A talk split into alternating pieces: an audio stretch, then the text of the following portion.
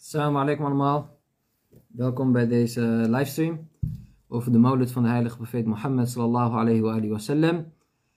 Uh, in deze dagen herdenken wij het leven van de heilige profeet.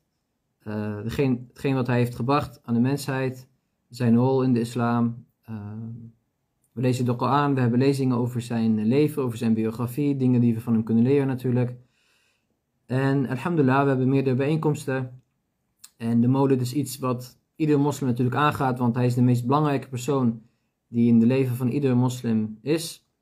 Maar er is ook discussie over de molid bij sommige moslims. Waarom we dat doen, de geldigheid daarvan, dat zullen we ook vandaag bespreken. En ik zal dat doen samen met Hajjou al-Khatib natuurlijk, uh, ik denk bekend bij de meeste van jullie. Ten eerste hoort iedereen mij goed, inshallah. Ik zie ook Hajj Ali aanwezig. Misschien kan hij aangeven of hij mij goed hoort, inshallah. Kijk, ik heb Hajjou al-Khatib als het goed is live.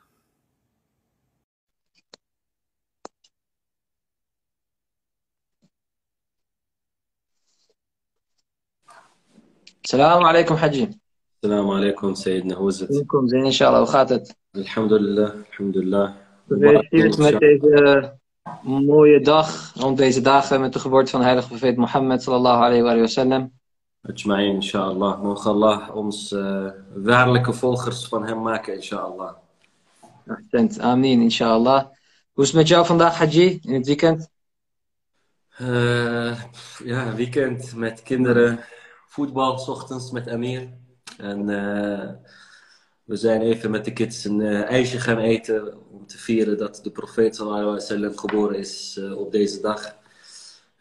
Verhaaltje verteld, met de kids doorgebracht en de kids slapen nu, dus nu kunnen we live gaan.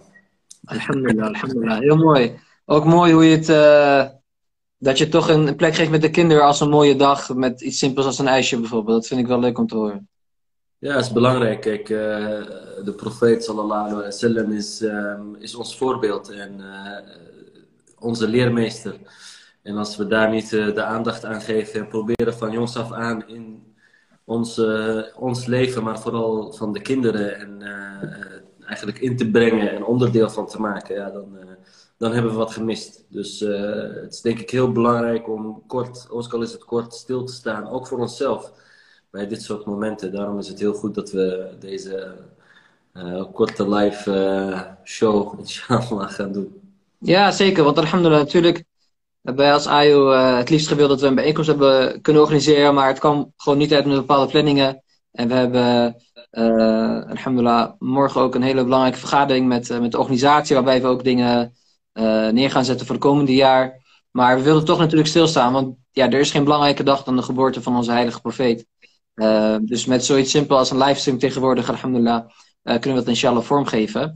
Um, ik wil aan iedereen vragen die, uh, die inshallah aanwezig is, om als zij opmerkingen, vragen of, of, discussiepunten naar voren willen roepen, dat we dat natuurlijk gewoon via de opmerkingen kunnen doen. Inshallah nemen we dat mee. Ons programma van vandaag, um, we zullen inshallah beginnen met, met het beschrijven van de geboorte van de heilige profeet. Vrede zijn met hem en zijn heilige huishouden. Um, over de omstandigheden van zijn geboorte, over de, de tijd waarin hij geboren is, de beschaving waarin hij geboren is. Uh, ja, hoe hij is eigenlijk is opgegroeid bij welke mensen en, en wat dat zegt over zijn familie. En, uh, want ja, de meeste van ons weten natuurlijk een beetje hoe de profeet uh, geboren is en wat tot stand is gekomen, maar de details kennen we vaak niet. En zeker niet wat de profeet allemaal heeft gedaan voordat hij 40 jaar werd. Dan gaan we het eigenlijk hebben over wat de profeet gebracht heeft eh, tot ons als mensen, als moslims. En we hebben het nog over de maulid. Uh, sommige mensen die vinden dat bid'a of iets wat niet hoort als moslim zijnde. Dus dat gaan we ook nog even aanhaken, inshallah. Hajjwal, uh, we beginnen eerst ten eerste met wij als Shiïtse moslims herdenken de geboorte van de heilige profeet sallallahu alayhi wa sallam op, op uh, 17 Rabi al-Awwal. En we zien dat dat bij onze broeders en zusters op 12 Rabi al-Awwal is. Is dat gewoon een verschil in bepaalde ahadith of hoe zit dat eigenlijk? Ja, klopt. Dat is, kijk, de, het, probleem met al die data is dat je te maken hebt met een overbrugging van 1400 jaar. En uh, dat maakt het heel lastig, omdat in die tijd ook niet heel veel werd geschreven. dus veel van de ahadith zijn niet op schrift. en we weten dat de hadith, dat is al een, het komen tot een juiste hadith is al een soort, een soort wetenschap eigenlijk, waarbij je een hele ketting aan, aan overleveraars moet, moet meenemen. En dat is het eigenlijk alleen maar. Het is een, het, verschil in, in welke hadith je neemt. En het mooie is dat uh, het verschil is maar vijf dagen. Dus we zijn het eens over de, de, dat het in de tweede uh, tiental dagen van, uh, van deze maand is. We zijn het eens over de maand. Um, we zijn het eens over de jaartal. En dat maakt dat um, er een, een beweging is om die hele week waarin de, de geboortes zeg maar, gevierd worden of herdacht worden, dat dat de, de, de week van eenheid wordt genoemd. Waarbij we eigenlijk samen, uh, zowel de Shiïtische als uh, Soenitische moslims, hun eigen geliefde profeet herdenken, die, ja, die gewoon bij elkaar en voor ons allebei zo belangrijk is. Ehm, dat wordt de week van eenheid genoemd. Ja, het goed om te horen inderdaad. En alhamdulillah, nu ik, we worden allemaal ouder en we hebben bepaalde relaties met andere moslims. En om deze tijd hebben we ook altijd appcontact of we bellen elkaar. Uh, om toch ook stil te staan. Of, of bijvoorbeeld, wat ik eigenlijk doe, is met mijn vrienden toch ook een paar hadith delen. En, en, en zij delen dat met mij. En we staan toch even stil. Bij, ik vind het toch wel belangrijk om dat ook met mijn eigen vrienden te doen. Of ze nou Shiites of Soenitische moslims zijn. Om hier toch even stil bij te staan en hier kracht aan te geven. Want ik bedoel, er bestaat geen belangrijke dag dan de geboorte of, of het zijn van, van de heilige profeet Mohammed sallallahu alayhi wa sallam. En om daar mee te beginnen, Haji, we hebben het vaak over profeet, we hebben het over boodschapper, uh, een belangrijk persoon, gaat met MBA ibn Morsalin. Kan jij een beetje duiding geven in het kort over wat de positie is van de heilige profeet Mohammed sallallahu alaihi wasallam, uh, die Allah subhanahu wa ta'ala voor hem heeft gecreëerd, of, of die hem heeft gegeven voor ons als mensheid en als rol binnen de godsdienst van Allah subhanahu wa ta'ala? Ja. Goeie vraag. Kijk, het is, uh, het is altijd, wie is de profeet voor ons? dat is altijd een vraag die je, die je dagelijks moet stellen eigenlijk. Omdat, het, omdat wij als moslims ons volledig identificeren met het geloof. Dus wij zijn, de, de, de islam is, een, is een, een leefwijze, is een denkwijze, is eigenlijk hoe je bent als persoon. En daarom wat is dan de positie van, van de profeet binnen de islam, maar ook binnen de hele mensheid. En kijk, wat, denk ik het meest treffende is wat Allah subhanahu wa ta'ala zegt. Als hij tot de mens richt en, en het heeft over de profeet, hij zegt: Walakum fi rasulillah uswatun hasan. En dat is eigenlijk de kern van de profeet sallallahu alayhi wa sallam. Wanneer Allah zegt: En voor jullie is in de profeet Rasulullah uswatun hasana. De juiste, het juiste voorbeeld. Het voorbeeld wat je moet volgen. En dat maakt de positie van de profeet sallallahu alayhi wa sallam direct zo belangrijk en zo verheven eigenlijk boven elke andere creatie. Want Allah subhanahu wa ta'ala heeft het over de hele mensheid. En hij zegt, het voorbeeld dat je moet volgen, dat jou in elke positie leiding geeft, dat is de profeet. Dat is Mohammed sallallahu alayhi wa sallam. En dat maakt de positie van onze profeet zo belangrijk. En dat geeft het, zeg maar, het beeld wat je altijd moet vormen, is eigenlijk dat je in elke stap, en dat is een, dat is een proces waar je doorheen moet, maar als je het echt wil doen zoals Allah het zou willen, bij wijze van spreken, dan zou je in elke stap eigenlijk, zou je moeten denken, wat zou de profeet hierover gezegd hebben of gedaan hebben? Of wat zou hij kiezen in deze situatie? Nou, en, dat, en, en als je bedenkt dat dat eigenlijk is wat Allah subhanahu wa ta'ala van ons wil, dan zie je wat voor persoon de profeet was. En de profeet was, voordat hij profeet werd, was hij al een voorbeeld voor mensheid. En we weten, wil je daar straks op terugkomen, we, weten dat. op terug. Ja, dat uit de geschiedenis wat voor positie hij had. Ahsend, uh, Haji. Assalamu alaikum ook aan Sheikh Mohammed al-Sha'ir. Wow. Inshallah, you're doing well. Uh, inshallah, Quran wa khair. May Allah subhanahu wa ta'ala give you all, uh, all of his blessings en tawfiq, inshallah. Um, nog heel kort over, uh, we hebben de term boodschapper en de term profeet. Binnen ja, heel kort, Hadji, wat, wat is het verschil daarin en, en Wat is de profeet daarin voor ons? Kijk, de, de profeten, we weten dat een profeet is iemand die eigenlijk uh, de boodschap of de, de, de, de religie van Allah met zich meedraagt en daar een voorbeeld in is. En daarvan hebben we 124.000 gehad over de hele uh, uh, scope van de mensheid, vanaf het begin tot, tot, uh, tot aan de profeet Mohammed sallallahu alaihi wasallam. dus profeet is eigenlijk een, een, een persoon die gekozen is door Allah subhanahu wa ta'ala, wiens positie heel hoog, hoog is en die de boodschap en het geloof en de wil van Allah subhanahu wa ta'ala kan overbrengen aan de mensen. En de boodschappen, dat zijn er maar vijf. En die hebben uh, de speciale boodschap van Allah subhanahu wa ta'ala gekregen om een heel geloof en religie in al zijn facetten vast te leggen. Wat bedoel ik daarmee? Dat betekent eigenlijk, als je het SEC bekijkt op, uh, in, in uh, noem je dat, uh, abstracte manier, dan is het eigenlijk dat wie een boodschap, een boek heeft van Allah subhanahu wa ta'ala, wie religie met zich mee heeft gebracht. En daar kan je dus denken aan Nabi Musa, Nabi Ibrahim, Noah en, en, en, en, en Isa alayhi en, en de profeet Mohammed sallallahu alayhi wa sallam, die echt een hele religie hebben vastgelegd in al zijn facetten. Dus zowel van de jurisprudentie, als in akhlaq, als in ideologie. Daar heeft de profeet of de boodschapper um, een, een, een rol in gehad, zeg maar. Accent. Dankjewel voor die verduidelijking. Want uh, ja, dat is toch altijd belangrijk. Zeker als je bijvoorbeeld soms gesprek hebt met, uh, met andersgelovigen in de zin van christenen bijvoorbeeld. Of, want bij hun is de term profeet weer iets meer, ja, het is natuurlijk een mens, maar toch iets meer zondiger dan een, dan een profeet hoe wij het zien. Wij zien een profeet als iemand die ma'som is, iemand die, die geen zonde begaat. Terwijl in de christelijke begrippen is een profeet niet per se iemand die geen zonde begaat. En het kan wat een meer algemeen mens zijn. Terwijl het bij ons echt iemand is die toch gekozen is door Allah subhanahu wa ta'ala. Dus zeker daarin is dat een belangrijke. Uh, voordat we verder gaan, een vraag van broeder Kazem. Kazem, uh, wat is het verschil tussen een imam en een profeet? Uh, daarin. Zeker in de imam in de zin van een Shiïtische begrip van een imam. Ja, nou, dat is eigenlijk duidelijk. Het, het verschil, de profeet is een profeet die gekozen is door Allah subhanahu wa ta'ala om die boodschap echt duidelijk te maken. Uh, een imam is een, is een, een boodschapper of een profeet eigenlijk voor dat ene geloof.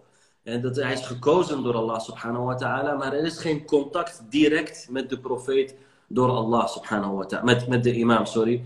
Uh, door Allah subhanahu wa ta'ala. En de imam vertegenwoordigt eigenlijk dat geloof en, en is een masoom, is onfeilbaar. Hij zal nooit een fout begaan. Maar er is geen, geen um, directe uh, uh, contact, zeg maar. Er is geen uh, engel die zich tussen Allah en, en, de, en de imam, salam Allah alayhim, bevindt. En daarom de positie tussen een, van een imam en een profeet is eigenlijk heel dicht, heel dicht bij elkaar. Dus er is geen wahi, er is geen neerdaling van een bepaalde boodschap. De imam die beschermt eigenlijk de boodschap van, van de vorige profeet bijvoorbeeld. En omdat de heilige profeet Mohammed sallallahu alayhi wa sallam gaat met NBI's, dus hij is de zegel der profeten, zijn de twaalf imams, dus eigenlijk de twaalf discipelen die, die de islam uh, op zo'n manier uh, duiding geven, extra uitleg geven. Want de heilige profeet had natuurlijk in zijn tijd, uh, in die 23 jaar, natuurlijk niet alle tijd om alles uit te leggen. Hij moest de mensen als we daar zo meteen op komen, eerst de ABC'tjes uitleggen. En hij had ook heel vaak burgeroorlogen tegen zich.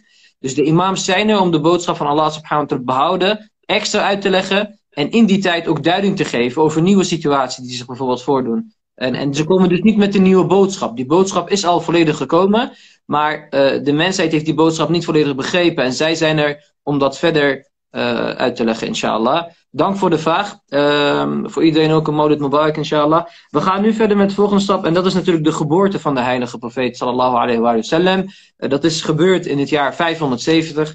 En um, dat wordt ook wel de jaar van de olifant genoemd. Uh, Haji, wat, wat is dat in die tijden van Arabië? Dat, um, dat de mensen het vernoemden naar bepaalde gebeurtenissen. En wat was het jaar van het olifant? Um, ja, wat, wat, het was, kijk, er was toen geen jaartelling.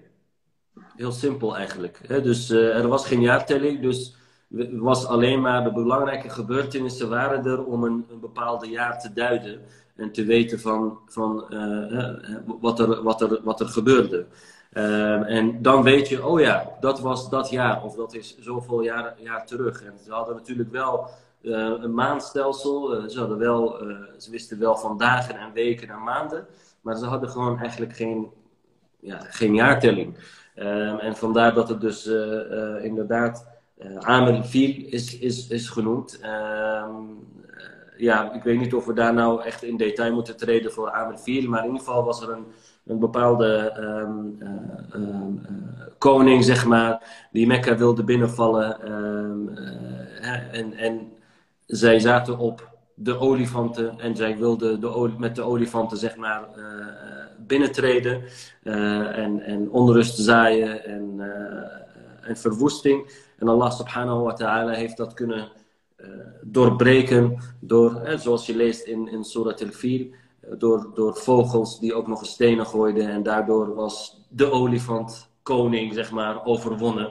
Uh, en dat was een hele belangrijke gebeurtenis. En dat staat nog steeds vast als Amelfil. Ja, ik benoem dat omdat ik de stap wil maken naar... als wij willen begrijpen wat de heilige profeet... Uh, sallallahu alayhi wa sallam uh, neer had gezet... dan moeten we ook begrijpen in welke tijd hij is geboren. Hè? In welke soort beschavingen, wat voor zaken daar optraden... hoe de mensen toen handelden, hoe zij religie zagen... En eh, ja, want de, de Arabië van die tijd. Uh, in, wat voor, in wat voor soort maatschappij uh, werd de profeet geboren? Ehm, wat was daar precies gaande? Met name dan hetgene wat, wat misging natuurlijk daar. zodat wij ook daarna begrijpen hoe de, hoe de profeet dingen heeft veranderd. Dus zou je ons een bepaalde beschrijving kunnen geven van, van, van die tijd? van de soort Arabië wat in die tijd... ja, hoe, hoe dat daar toen ging met de mensen en, en de beschaving? Um, nee, nee, het wordt de Jahiliya genoemd. Uh, en de Jahiliya is natuurlijk niet uh, zomaar gekomen. Jahiliya betekent de, de tijdperk van onwetendheid en, en onkunde. En, en dat is niet zozeer omdat ze niks wisten, maar omdat de, eigenlijk de akhlaq, de manieren, misten in de hele gemeenschap. Nou, wat, wat bedoel ik daarmee? Eh, om te beginnen was er natuurlijk wel een religie. En dat is iets wat een drive is in elke, in elke mens om een bepaalde religie aan te houden. Op een bepaalde manier te leven.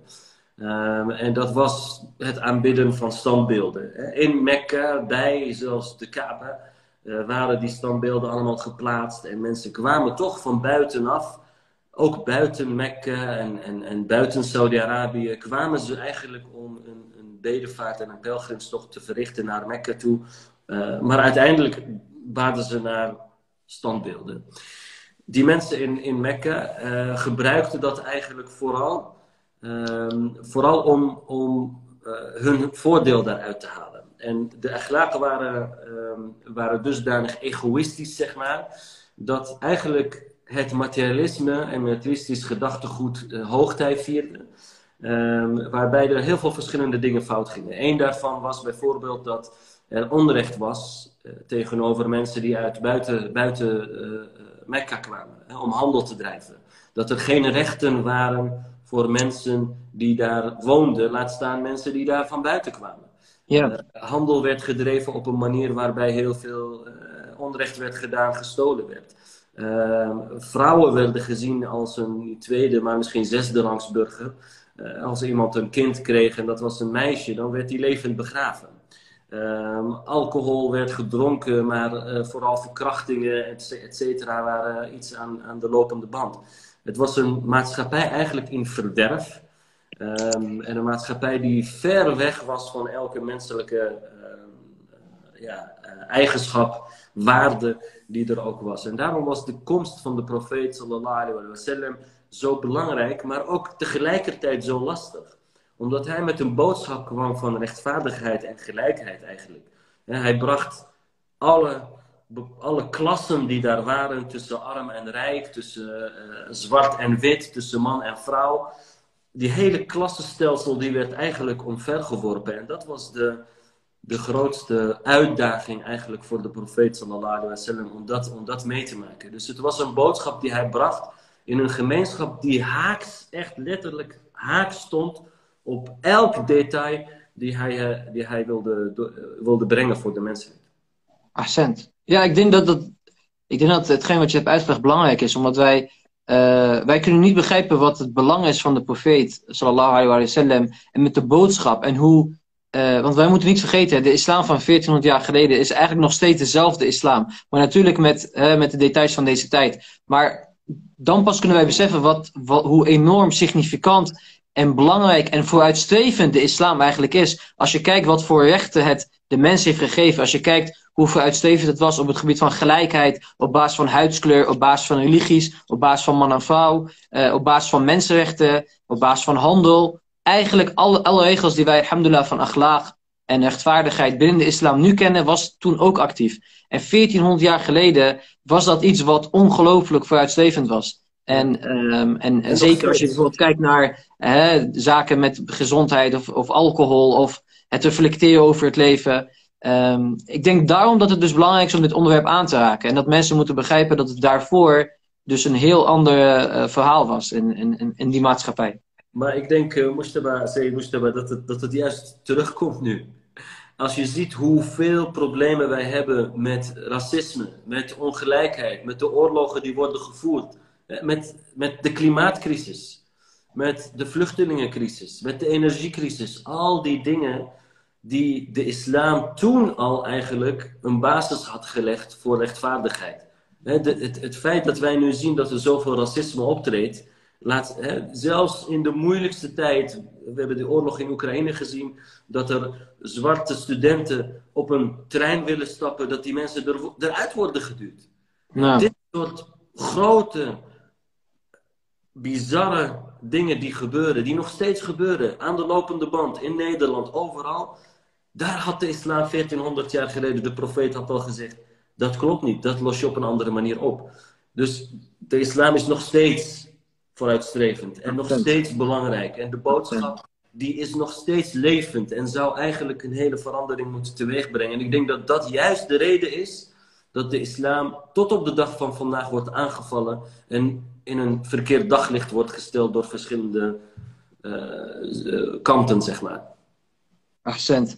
Ja, wat ook interessant is als je kijkt naar en toen de profeet uh, ja, in zijn twintige jaren was, wat jij net zei, er was heel veel oneerlijkheid op het gebied van handel en mensen die eigenlijk belazerd werden, die van buiten, buiten Mekka afkwamen. En wat ik ook las, is dat, dat hij dus een soort van jonge organisatie opstartte, Hilf al Waar, wat eigenlijk uh, ja, inhoudt dat, dat het de rechten van de mens wil beschermen. Dus je ziet eigenlijk dat de heilige profeet Mohammed sallallahu alayhi wa sallam op een jonge leeftijd al actief was. En al bekend was bij de mensen als al-Sadiq al-Amin de eerlijke, de, de, degene die, die uh, vertrouwd kon worden de, uh, daarin. Voordat hij begon met de missie als boodschapper van Allah subhanahu wa ta'ala om de islam op een directe manier te verspreiden, was hij al bekend met zijn akhlaaq, met zijn manieren. En um, dat zou ons eigenlijk moeten leren, uh, ten eerste, voordat we naar de mensen toe gaan en, en moeten zeggen uh, dat je moet vasten tijdens Ramadan en dat je een baard moet hebben en dat je een, een, uh, een, een, een, een hoofddoek moet dragen, dat we eigenlijk moeten beginnen met onze manieren. En uh, zeker naar nieuwe moslims toe, zeker naar mensen die geen moslims zijn, is dat voor mij wel een inspiratie waar ik me de afgelopen tijd wat meer over heb verdiept en meer over heb gereflecteerd eigenlijk is, dat we moeten beseffen dat de profeet twintig jaar de tijd nam om iets uit te leggen aan de mensen. Als we kijken hoe geduldig hij was met de mensen, moet dat ons ook leren hoe geduldig wij moeten zijn met onze kinderen en met onze buren en met de mensen die soms ook aanvallen. En want als we het daarover hebben, Haji, hoe kan de profeet, je hebt net aangegeven hè, wat hij voor ons heeft betekend op het gebied van mensenrechten, op het gebied van gelijke rechten tussen verschillende huidskleuren, religies, uh, mensenrechten, hoe we moeten reflecteren over het leven, Eerbied aan onze ouders, eerbied aan vrouwen met name. Uh, hij, heeft de, hij heeft de vrouwen driemaal een hogere rang gegeven, bewijzen van dan een man, uh, op, uh, via een bepaalde hadith. Um, aspecten die op dit moment gaande zijn, hè, wij voelen ons aangevallen op verschillende manieren en terecht door, door de media, door andere zaken. wat kan de heilige. en de profeet werd ook aangevallen natuurlijk, door de media in zijn tijd en door de mensen in zijn tijd. Wat kunnen wij leren van zijn geduld en en van zijn hekme, van zijn wijsheid, hoe hij dat eigenlijk omdraaide en, en daarmee toch uiteindelijk, hè, hij is naar Medina gevlucht en toen teruggekomen. Hoe is het hem geslaagd, hoe is het hem gelukt om die hele menigte om, uh, die tegen hem was te laten bekeren? Hoe heeft hij dat gedaan en, en wat was zijn succes daarin? Eén, één uh, recept. En dat is innama bu'ithtu li utammima makarim al-akhlaq. En dat is, ik ben gezonden om juist de juiste manieren te vervolmaken. De goede manieren te vervolmaken. Eh, de profeet heeft een hadith die zegt: Al-Islam husnul khuluq. De hele islam is niets anders dan de juiste manieren. En in de Koran wordt ook gezegd: Als je in, in iemand was die streng was en die met een harde, harde toon sprak, die mensen op hun eh, alleen maar zou terechtwijzen, dan zouden de mensen om je heen uh, vluchten, letterlijk vluchten. En dat is precies wat de profeet sallallahu alayhi wa sallam heeft, uh, heeft verricht. Uh, er zijn heel veel ahadith over hoe hij omging bijvoorbeeld met mensen die zondes begaan. En hoe hij hen altijd een soort uitweg heeft gegeven om die zonde te verlaten en terug te keren naar, naar, naar de islam. Maar het allerbelangrijkste was dat hij altijd de confrontatie eigenlijk vermeed met de mensen en hen alleen maar uitleg gaf over hoe het nou is om een moslim te zijn. Hoe, wat moet ik nou doen om een moslim te zijn, om goed om te gaan met mensen. En dat was echt puur en alleen de akhlaq die hij had. En je moet je voorstellen dat in de tijd dat de profeet kwam en al die, wat je zegt, de media, alles omheen, was tegen hem gericht. Het makkelijkste wat hij kon doen is één vluchten. Dat deed hij niet. Hij vluchtte dus niet. Hij vertrok niet uit de plek om ergens de mensen te vermijden. Nee, hij was tussen de mensen. Hij was daar en de mensen wisten waar hij woonde, ondanks dat hij werd bedreigd. In een periode werd hij ook aangevallen. Hij heeft moeten onderduiken, maar toch wisten de mensen hem te bereiken. En hij had altijd tijd voor iedereen om de gesprekken te voeren op elk niveau dan ook. Ehm, en hij was, ja, hij was altijd vergevingsgezind. Maar hij gaf ook een uitweg. We weten dat in de tijd van de profeet, de volgers van de profeet, sallam, die werden aangevallen, die werden gemarteld. En die werden gedwongen, hè, jullie kennen denk ik, als jullie film de Sala hebben gezien, dan is dat ook een kort fragment, waarbij mensen werden gemarteld en gezegd, roep Hubel. Hubel was toen in die tijd de, een van de beelden. zeg maar, de, de beeldengod die zij, die zij hadden. En hij gaf, de profeet gaf hen de mogelijkheid om te zeggen: Kijk, als je in zo'n situatie bent, waarin je bijna je leven verliest of zoveel gemarteld werd, als je hart maar gelooft, dan kan je zeggen: Hubel, om je leven te redden. En dat geeft aan dat de profeet de waarde van de mens groter heeft dan zelfs de islam. Er is een hadith die zegt dat de waarde van een mens meer, meer is dan de waarde van de Kaaba.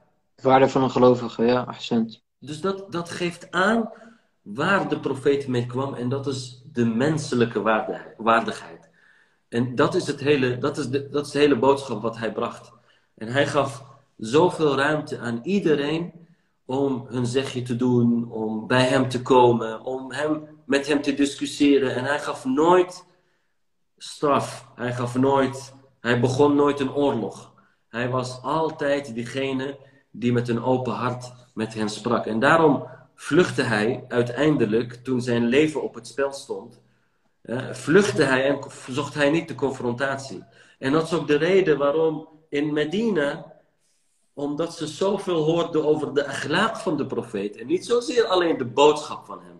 De akhlaaq van de profeet. Kijk wat Mohammed sallallahu alayhi wa sallam zegt. Hij zegt dat we gelijk zijn. Hij zegt dat armen ook een plek hebben. Hij zegt dat zwart en wit gelijk zijn. En dat is de boodschap die uiteindelijk terecht is gekomen bij Medina.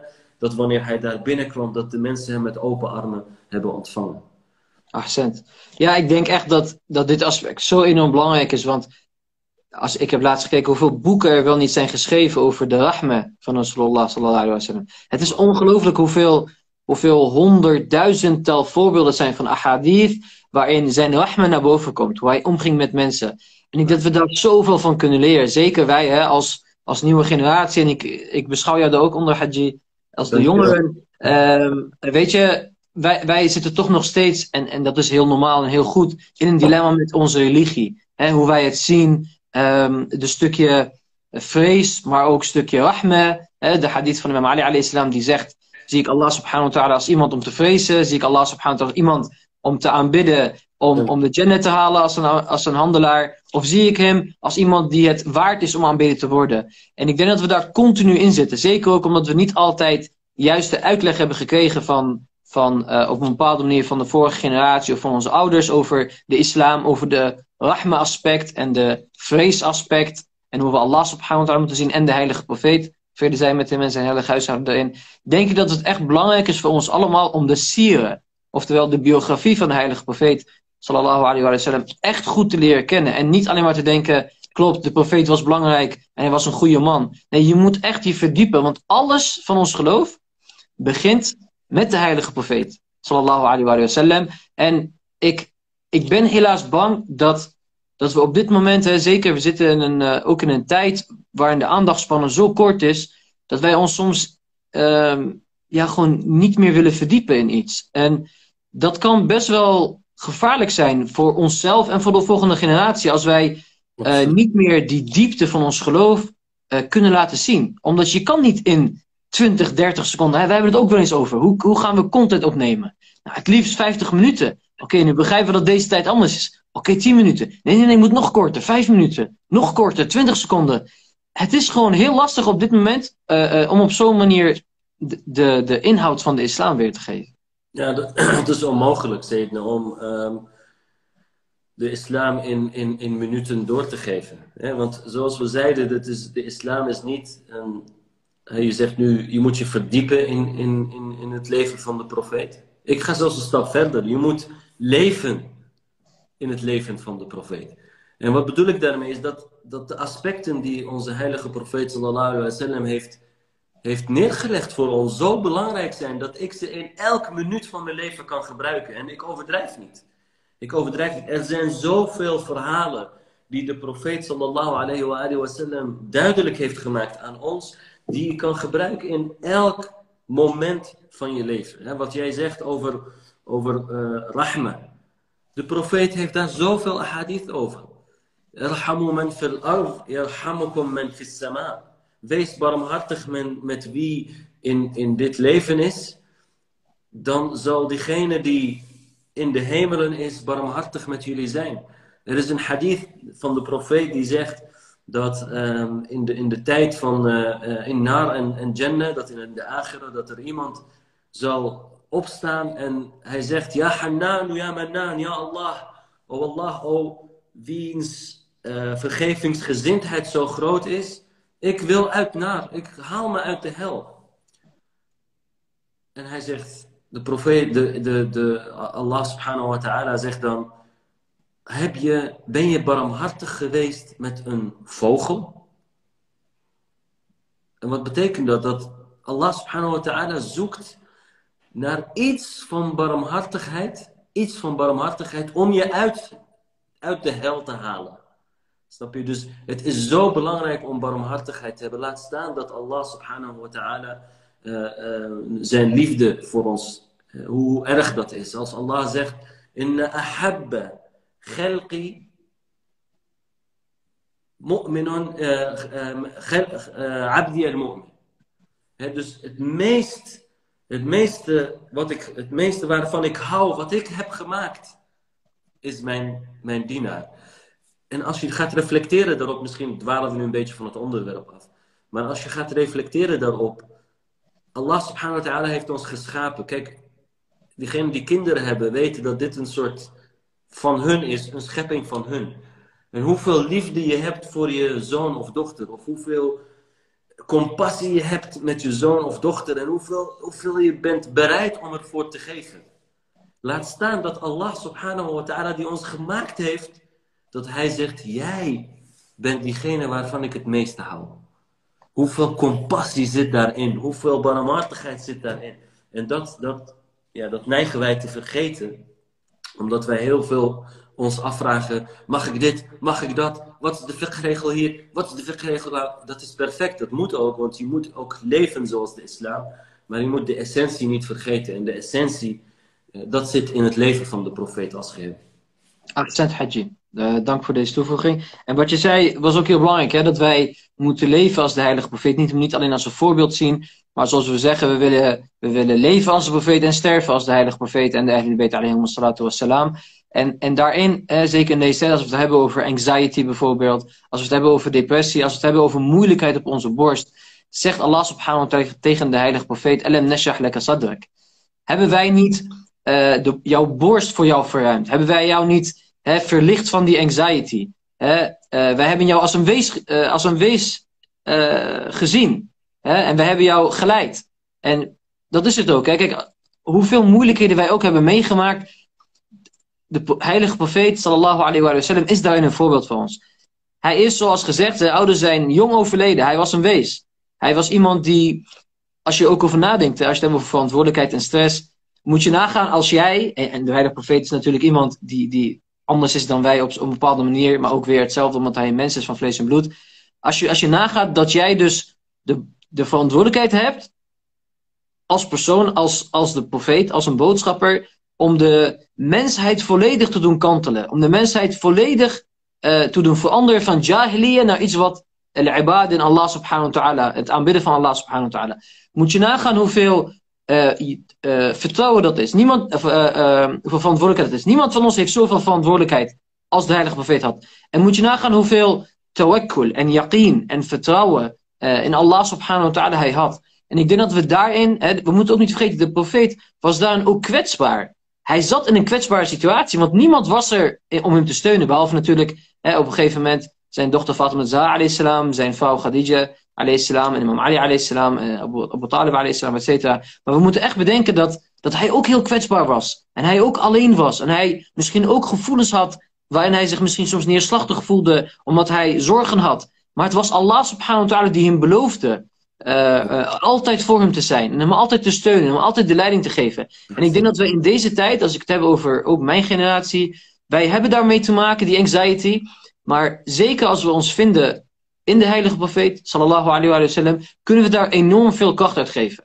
Want als Allah subhanahu wa ta'ala hem de belangrijkste persoon heeft gemaakt en hem op zo'n manier heeft beschermd en heeft geleid, waarom kan Allah subhanahu wa ta'ala dat dan niet uh, met ons doen?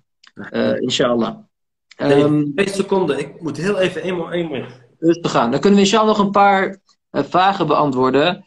Um, uh, we beginnen met, uh, met, met Boeddha Kadem, als hij er nog is. Was de profeet ook een imam? Um, de positie van imam, en daar mag Hajwar zo meteen mij op corrigeren, is een positie die, we, hebben, we zeggen dus dat is een nebi, hè, dat is een profeet. Je hebt een rasool, dat is een boodschapper. Dat is als je naast gekozen bent door Allah subhanahu wa ta'ala ook een profeet is, profeet ben, die uh, met een boodschap is gekomen. Hè, zoals we hebben met, met vijf van de belangrijke uh, profeten. En daarin kan een profeet ook een imam zijn. Houdt in dat, dat hij ook een leider is. En dat is ook een bepaalde positie die je als profeet kan hebben. Bijvoorbeeld de profeet Mohammed sallallahu alayhi wa sallam.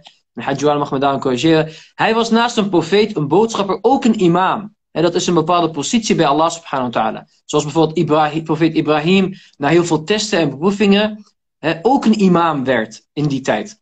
En zo zien wij dat de positie van imam, uh, daar zijn natuurlijk ook veel theologische aspecten in, uh, zien wij als iets moslims ook als een positie die door Allah subhanahu wa ta'ala gegeven is. Weliswaar hè, krijg je niet direct contact met Allah subhanahu wa ta'ala, je komt niet met een nieuwe boodschap, maar het is, wel een, het is wel een positie binnen de ogen van Allah subhanahu wa ta'ala aan de mensheid. Zoals ook iedere profeet een opvolger had in leiderschap, Zoals uh, de profeet uh, Jezus, salam, profeet Musa, salam, ook twaalf discipelen had op een bepaalde manier. En profeet Suleiman, et cetera. Iedereen had een bepaalde opvolger in leiderschap om de boodschap te beschermen. Er waren dus de imams daarin ook degene die de boodschap van Allah beschermde binnen de functie van imam. En, en als antwoord op jouw vraag, de profeet was ook een imam. En na zijn tijd, hij zei natuurlijk, men kuntu maula, fahada Aliun maula. Voor wie ik leider ben, daar is Ali de leider van. Daar is Ali hierna de imam van. Dus binnen de Shiïtische theologie is dat best een duidelijk en in mijn ogen een heel rationeel um, aspect. Ja. Um, Hadji, nog een vraag aan jou. Is er een, van zuster Zainab, is er een reden dat er geen profeten meer zijn gekomen na de profeet Mohammed sallallahu alayhi wa, sallam? Um, daarin. Uh, waarom was hij de laatste? dat is de keuze van Allah subhanahu wa ta'ala geweest om, ehm, om eigenlijk de, de, het, het geloof te vervolmaken met deze heilige profeet. En uh, het is lastig om te weten welke mechanismen nou hebben gewerkt uh, om allemaal profeten achter elkaar op deze manier te brengen.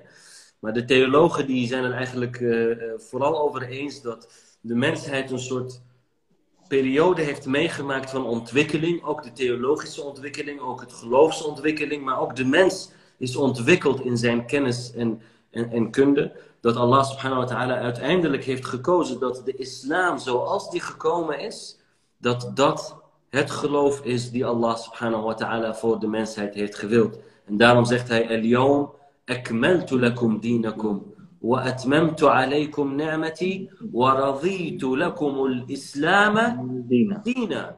Eh, vandaag heb ik jullie geloof vervolmaakt en heb ik mijn gunst aan jullie vol volwaardig gemaakt en ik heb uiteindelijk deze, het geloof, uh, de islam als geloof voor jullie vastgelegd. En daarom is de profeet Mohammed sallallahu alayhi wa sallam met de Koran als zijn boek de laatste der profeten, om vervolgens imams te hebben die de, het, het, het, eh, de boodschap van de islam te waarborgen en te beschermen en die puur te houden voor de mensheid. Dat is de reden waarom, uh, waarom, waarom de profeet sallallahu alaihi wasallam de laatste is der profeten. Dat is een keuze van Allah subhanahu wa ta'ala.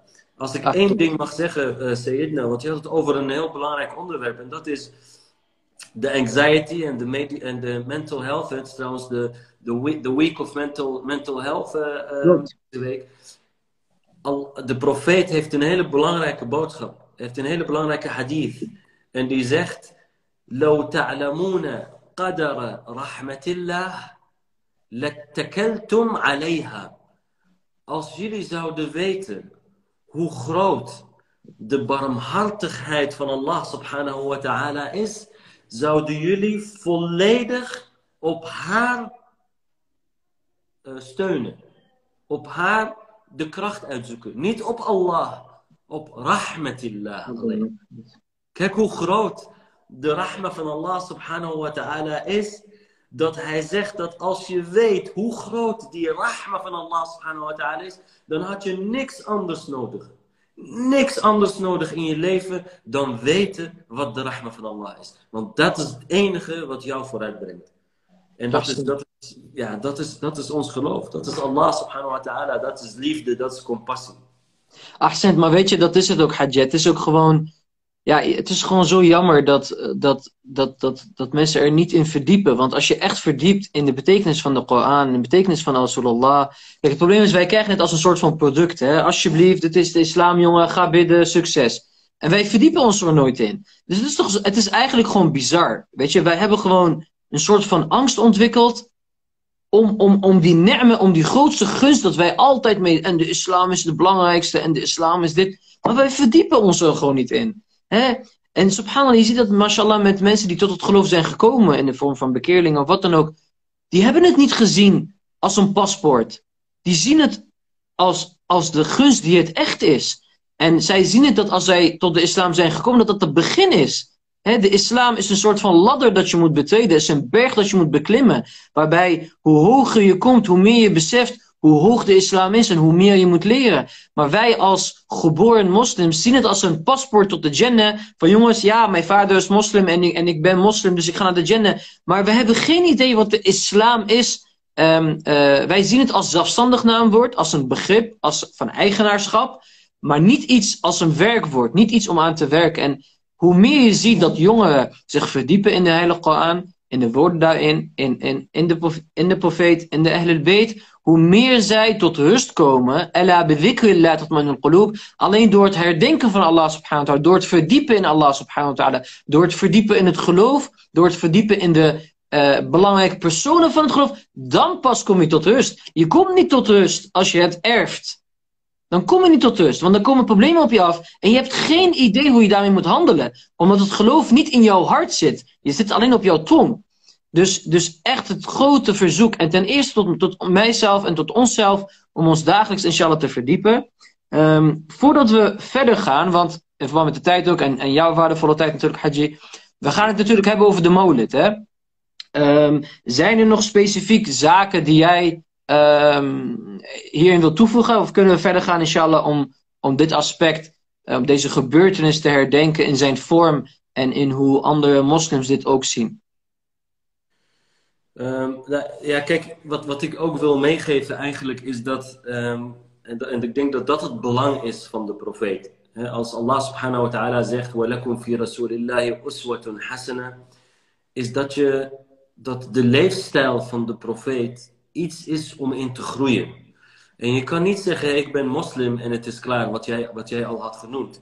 Maar het is, een, het is echt een leefwijze. Het is echt een leefwijze. En een van de belangrijkste dingen, zoals we hebben genoemd, is die akhlaq. En ik denk dat als wij ons gaan verdiepen in de akhlaq van de profeet sallallahu alayhi wa sallam, dan herken je de menselijkheid. En wat bedoel ik daarmee? Is dat je jezelf eerst leert kennen.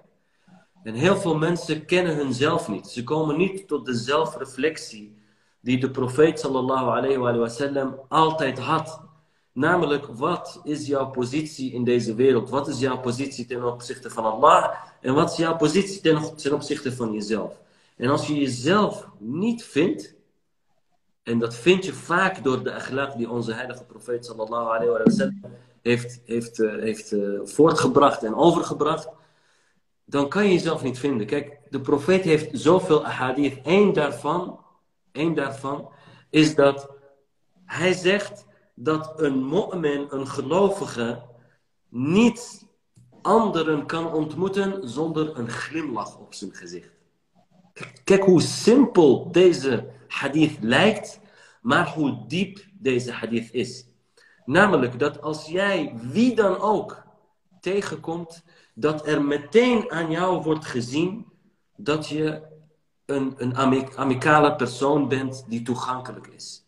Dat jij vreugde hebt. Dat jij vreugde uitstraalt.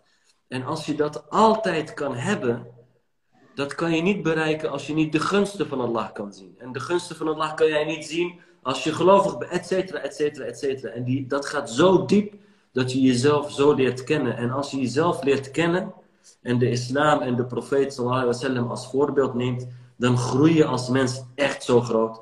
Dan kan je alles aan. Dan ben je een voorbeeld voor iedereen. Accent, Taiwan Fascom Haji.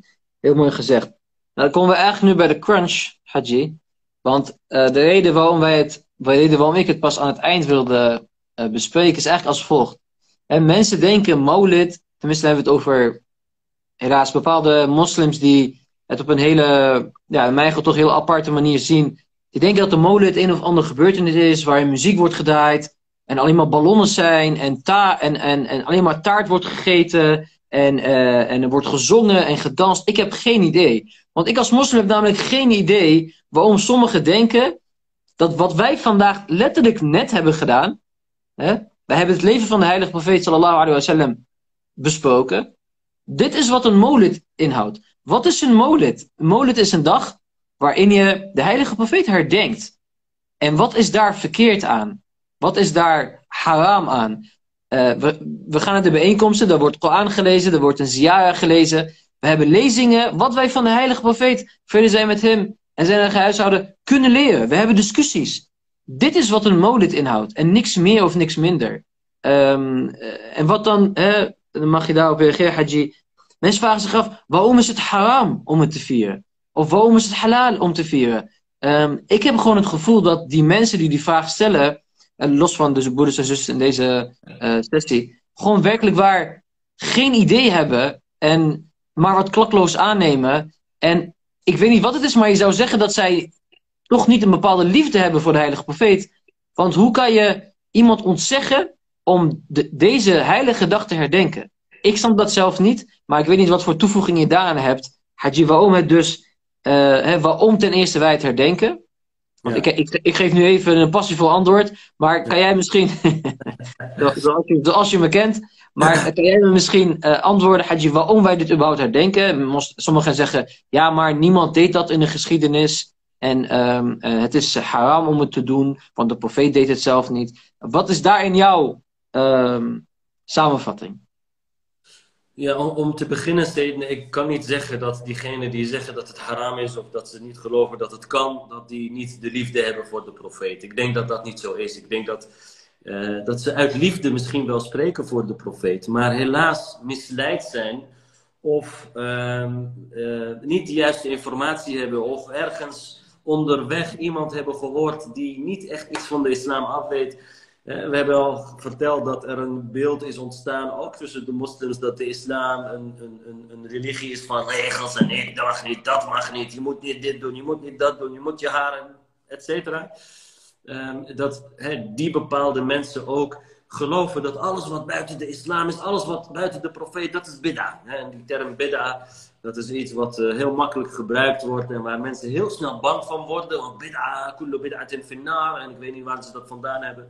Maar goed, hè, dus ik, ik kan niet zeggen dat het niet uit liefde is. Ik denk dat het uit onkunde is en onwetendheid. En, en daarom moet je die mensen juist meenemen in het feit wat de profeet was, dat is volledige rahma. En ik denk dat als we dan terugkijken naar de tijd van de profeet, sallallahu alaihi wasallam, dan zien we dat de profeet in elke geboorte van zijn kleinzonen bijvoorbeeld, hij blij was, oprecht blij. En dat hij het huis van Fatima en Ali bezocht. En dat hij hen feliciteerde met de geboorte van hun zoon en dochter. En dat hij bepaalde rituelen had. Nou, het, het, het, afknippen van het haar, het doneren van geld, het doneren van dit, van, van vlees, het, uitnodigen van mensen. Er was daadwerkelijk, er was daadwerkelijk een, uh, uh, uh, een viering op, op laag niveau, hè, om het maar zo te noemen, door de profeet voor de geboortes van zijn kleinzonen. En hij was blij daarmee. Dat er geen verjaardagen werden gevierd, betekent niet dat je niet kan vieren dat een geboorte van een profeet er is. Ten tweede is het zo dat er geen enkele hadith bestaat van wie dan ook die zegt je mag geen geboorte vieren. Dat bestaat niet. Dat is er niet, dat, dat hebben ze nergens. De enige conclusie die zij trekken is de bid'a-gebied, van alles wat niet bestond mag ook niet. Nou dat is natuurlijk volledig onlogisch als je bekijkt hoe de ontwikkeling van de mens is. Uh, maar verder niet dat je mag niks vieren, je mag geen emotie hebben. En emotie is iets sterks wat de profeet had, voor zowel bij het overlijden als bij de geboorte. Bij overlijden huilde hij om zijn metgezellen. Dus die emotie is er en die emotie mag er zijn. Ten derde is wat, wat, je, wat er gebeurt tijdens een molid, valt allemaal binnen de normen en waarden en binnen de regels van de islam. En is er juist een motivatie voor mensen om de profeet te herdenken. Ik denk dat er geen enkele wijze kan bestaan dat je zegt dat het herdenken van de profeet en zijn boodschap haram is. Breng mij de grootste geleerde en leg hem uit wat er gebeurt tijdens de, tijdens de. En niemand zal zeggen, dit is haram. Dus er is, geen, er is geen enkele hadith, er is geen enkele juridische basis om te zeggen dat de molid haram is. Die is er gewoon niet. Is het dan mustahab om het te doen? Dat weten we niet. In ieder geval is het mustahab, is het wajib om de profeet te herdenken. Is het wajib om van de profeet te leren. Is het wajib om hadith van hem en over zijn leven te weten. Want anders kan ik de islam niet begrijpen. En dan zijn er momenten die je aangrijpt, zoals het overlijden van de profeet maar ook de geboorte van de profeet. En wat een heugelijke dag dat is geweest in de tijd dat, dat, uh, dat de profeet geboren werd. En Allah subhanahu wa ta'ala eindelijk diegene die zijn boodschap zal dragen, zag verschijnen in de wereld. Dus er is gewoon geen juridische basis om te zeggen dat het haram is. En er is geen, geen logische basis om te zeggen dat het haram is. Hadji, dank u wel voor het uitgebreide antwoord.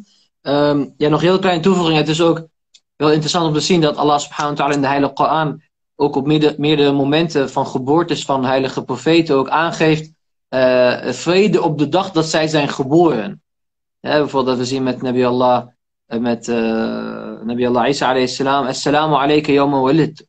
Dus vrede, Allah subhanahu wa ta'ala stuurt vrede op de dag van zijn geboorte. En waarom ja. zou Allah subhanahu wa ta'ala geen vrede sturen op de dag van Gatem en MBI ul Mursalin, de zegel van de profeten.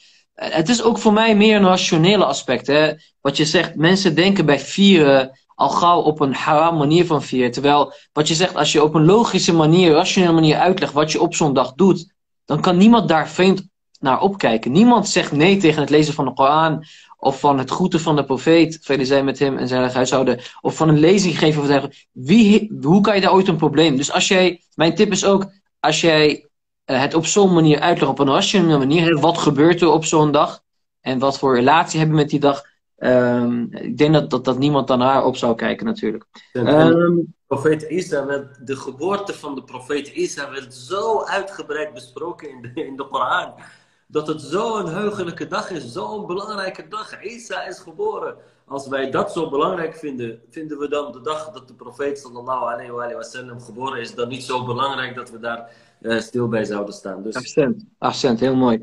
En nu, nu eh, worden we, uh, de, de term bid'a wordt meerdere malen benoemd. En hoe ik de term bid'a heb geleerd, is dat het een, een vernieuwing is binnen geloofsaspecten. Hè? Dus als ik nu uh, op een, in een, een, auto rijdt en dat de profeet dat niet deed, dan is dat een bid'a niet in, dit, in de Arabische term van het woord dat het een vernieuwing is, maar niet binnen de geloofsaspect. En in, in de islam, als iemand over bid'a heeft, dan hebben we het wel over vernieuwing binnen de islam. Dus als ik op een andere manier bid, bijvoorbeeld met mijn handen omhoog of omlaag, dan heet dat een bid'a. Maar niet als ik in een auto rijd. Dus hieronder wordt de vraag gesteld: is er een verschil tussen een goede en slechte bid'a, dan is het daarin denk ik belangrijk om te weten wat de term bid'a betekent. En dat er nooit een goede bid'a kan zijn eh, dat, je, dat je daarin dingen in het geloof aanpast. Dus dan heb ik het over de uh, verplichtingen bijvoorbeeld, of de regels daarin. Want de, uh, de regels, de islam van de heilige profeet, is nog steeds de islam van deze dag. Dus wij gaan daarin niks veranderen. En, en uh, dat is belangrijk om te kennen dat de term bid'a natuurlijk een bepaalde kader heeft binnen de islam.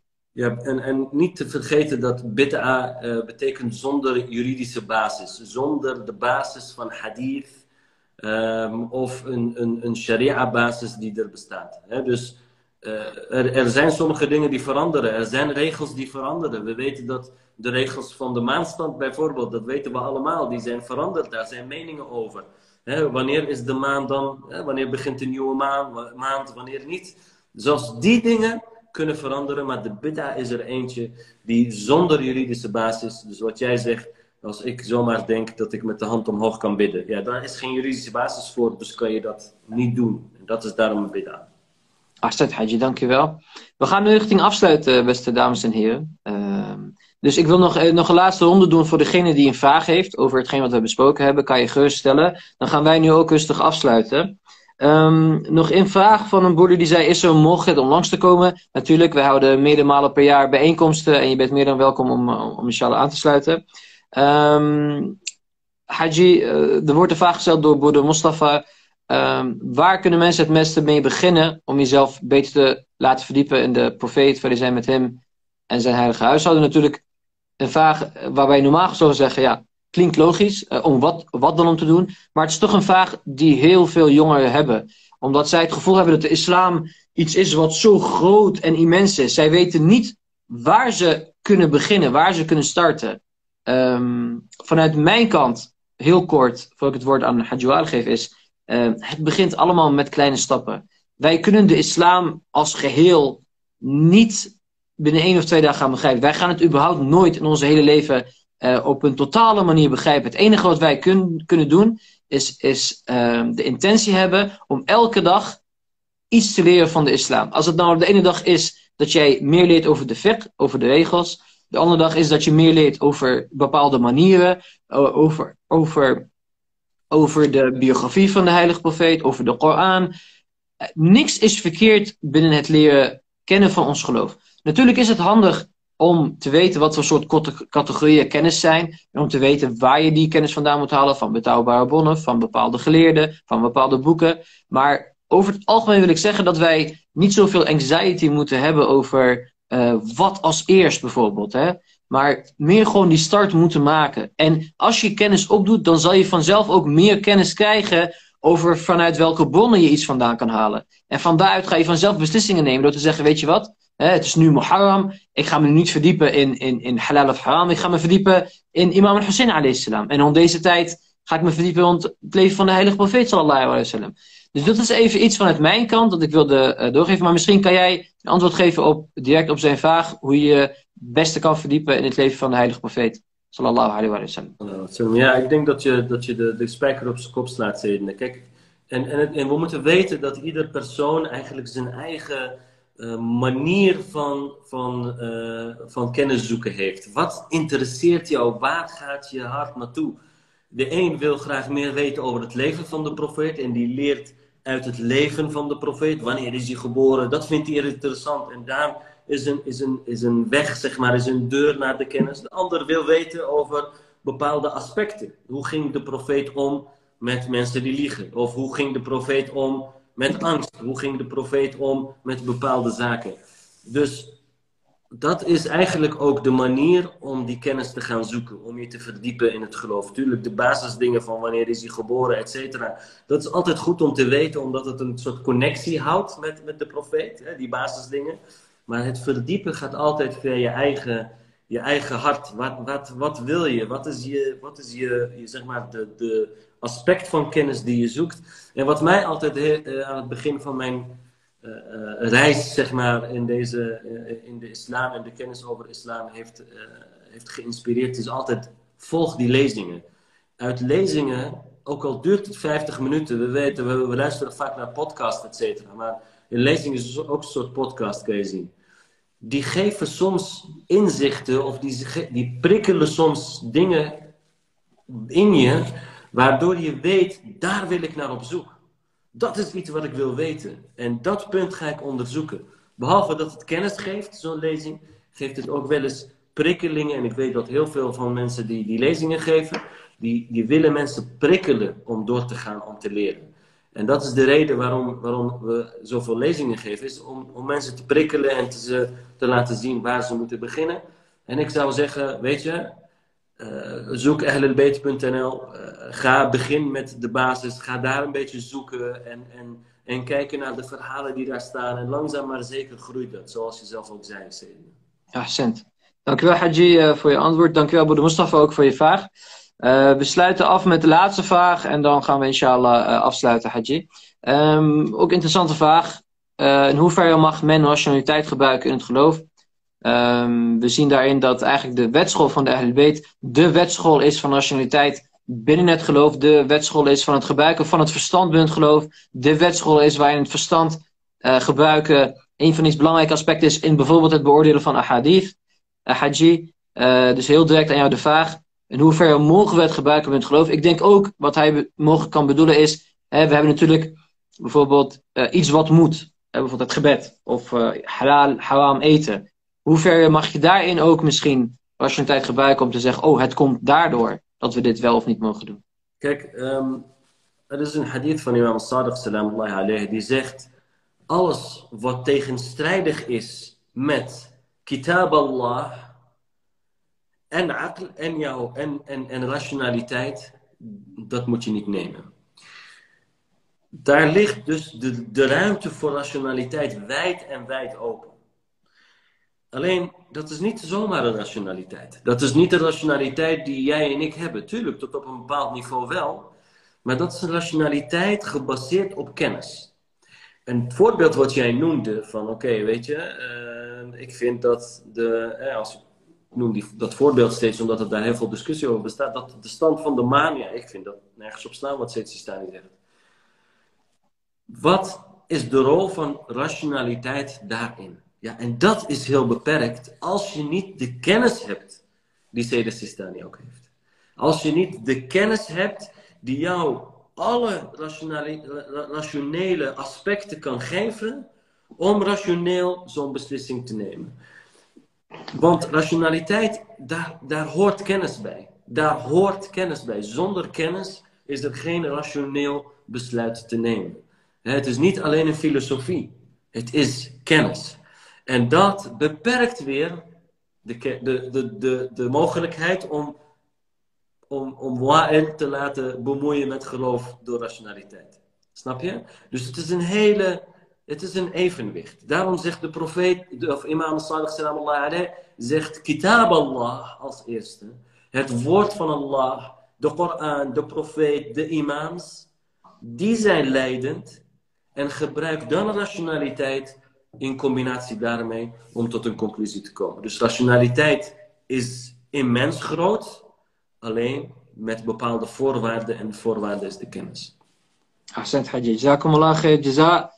Ik wil je echt enorm bedanken voor je tijd, uh, voor de wijsheid, voor de energie die je altijd steekt in, uh, in ons als jongeren en als, uh, ja, ook met deze livestream. Ik heb jou gewoon random geappt op een dag waarin je waarschijnlijk heel druk was met andere dingen, maar je toch gewoon die enthousiasme en die, ja, ook loyaliteit hebt aan ons, ja, wij allemaal als organisatie, als gemeenschap. Daar wil ik je graag voor bedanken. Ja, en ik, vind, ik vond het ook gewoon heel gezellig, leuk eigenlijk. En van mij mogen we dit gewoon vaker doen. Zeker als mensen het inshallah ook waarderen, dan doen we dit gewoon vaker. Ik denk dat zo'n live sessie ook vaak hè, wat anders werkt dan, dan bijvoorbeeld standaard een, een mono-lezing of, of, of een video. Het is denk ik ook best wel leuk om te luisteren. Dus jazakumullah, jazahaji, dankjewel. Dank je wel. Uh, ja, aan jou om af te sluiten met een paar woorden. En dan sluit ik af met het publiek, inshallah. Uh, mogen Allah jou belonen, Sayyidin, en om mij die mogelijkheid te geven om inshallah ons geloof en de mensen te dienen. Dat is eigenlijk het allerbelangrijkste om, uh, om uh, deze mooie mensen die, die luisteren en kijken, inshallah, om ze hen te dienen. En inshallah hebben ze er wat van geleerd. Mogen Allah subhanahu wa ta'ala ons de profeet laten leren kennen en een van zijn volgers worden. en uh, inshallah in Jannah samen met hem uh, te laten doorbrengen. Voor mij en voor iedereen die meeluistert. Ahsantum. Jazakum Allah khair jaza. Dank u wel voor je tijd. En, okay. Alaikum wa rahmatullah aan iedereen. Dank u wel, Habibi hajj. Dank u wel. Jazakum Allah. Uh, ook bedankt, uh, broeder Osama, barakallah fiek, inshallah. Ook voor jouw uh, deelname. dank u wel, beste broeders en zussen. Dit was het. laat ons weten wat jullie ervan vinden via DM's of reacties op dit bericht, inshallah. Um, ja, aan ons um, de taak, inshallah, om, om met deze woorden iets te doen. Om, om ons nog meer te verdiepen in de biografie van de heilige profeet. Verder zijn met hem. En om ook, weet je, die vragen te stellen. Wij zijn er inshallah voor jullie om die vragen te beantwoorden. Of om meer live sessies te houden. Geef ons onderwerpen. Geef ons inshallah uh, thema's waar we het over kunnen hebben. En we zullen ons best doen om daarin samen met jullie natuurlijk um, een nuttige sessie van te maken. Ik wil iedereen bedanken uh, die heeft gereageerd, die heeft meegedaan, die vragen heeft gesteld. Uh, want ik heb altijd geleerd dat het stellen van vragen de sleutel is tot kennis.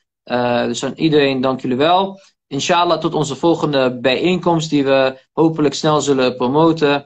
Wassalamu alaikum wa rahmatullahi wa barakatuh.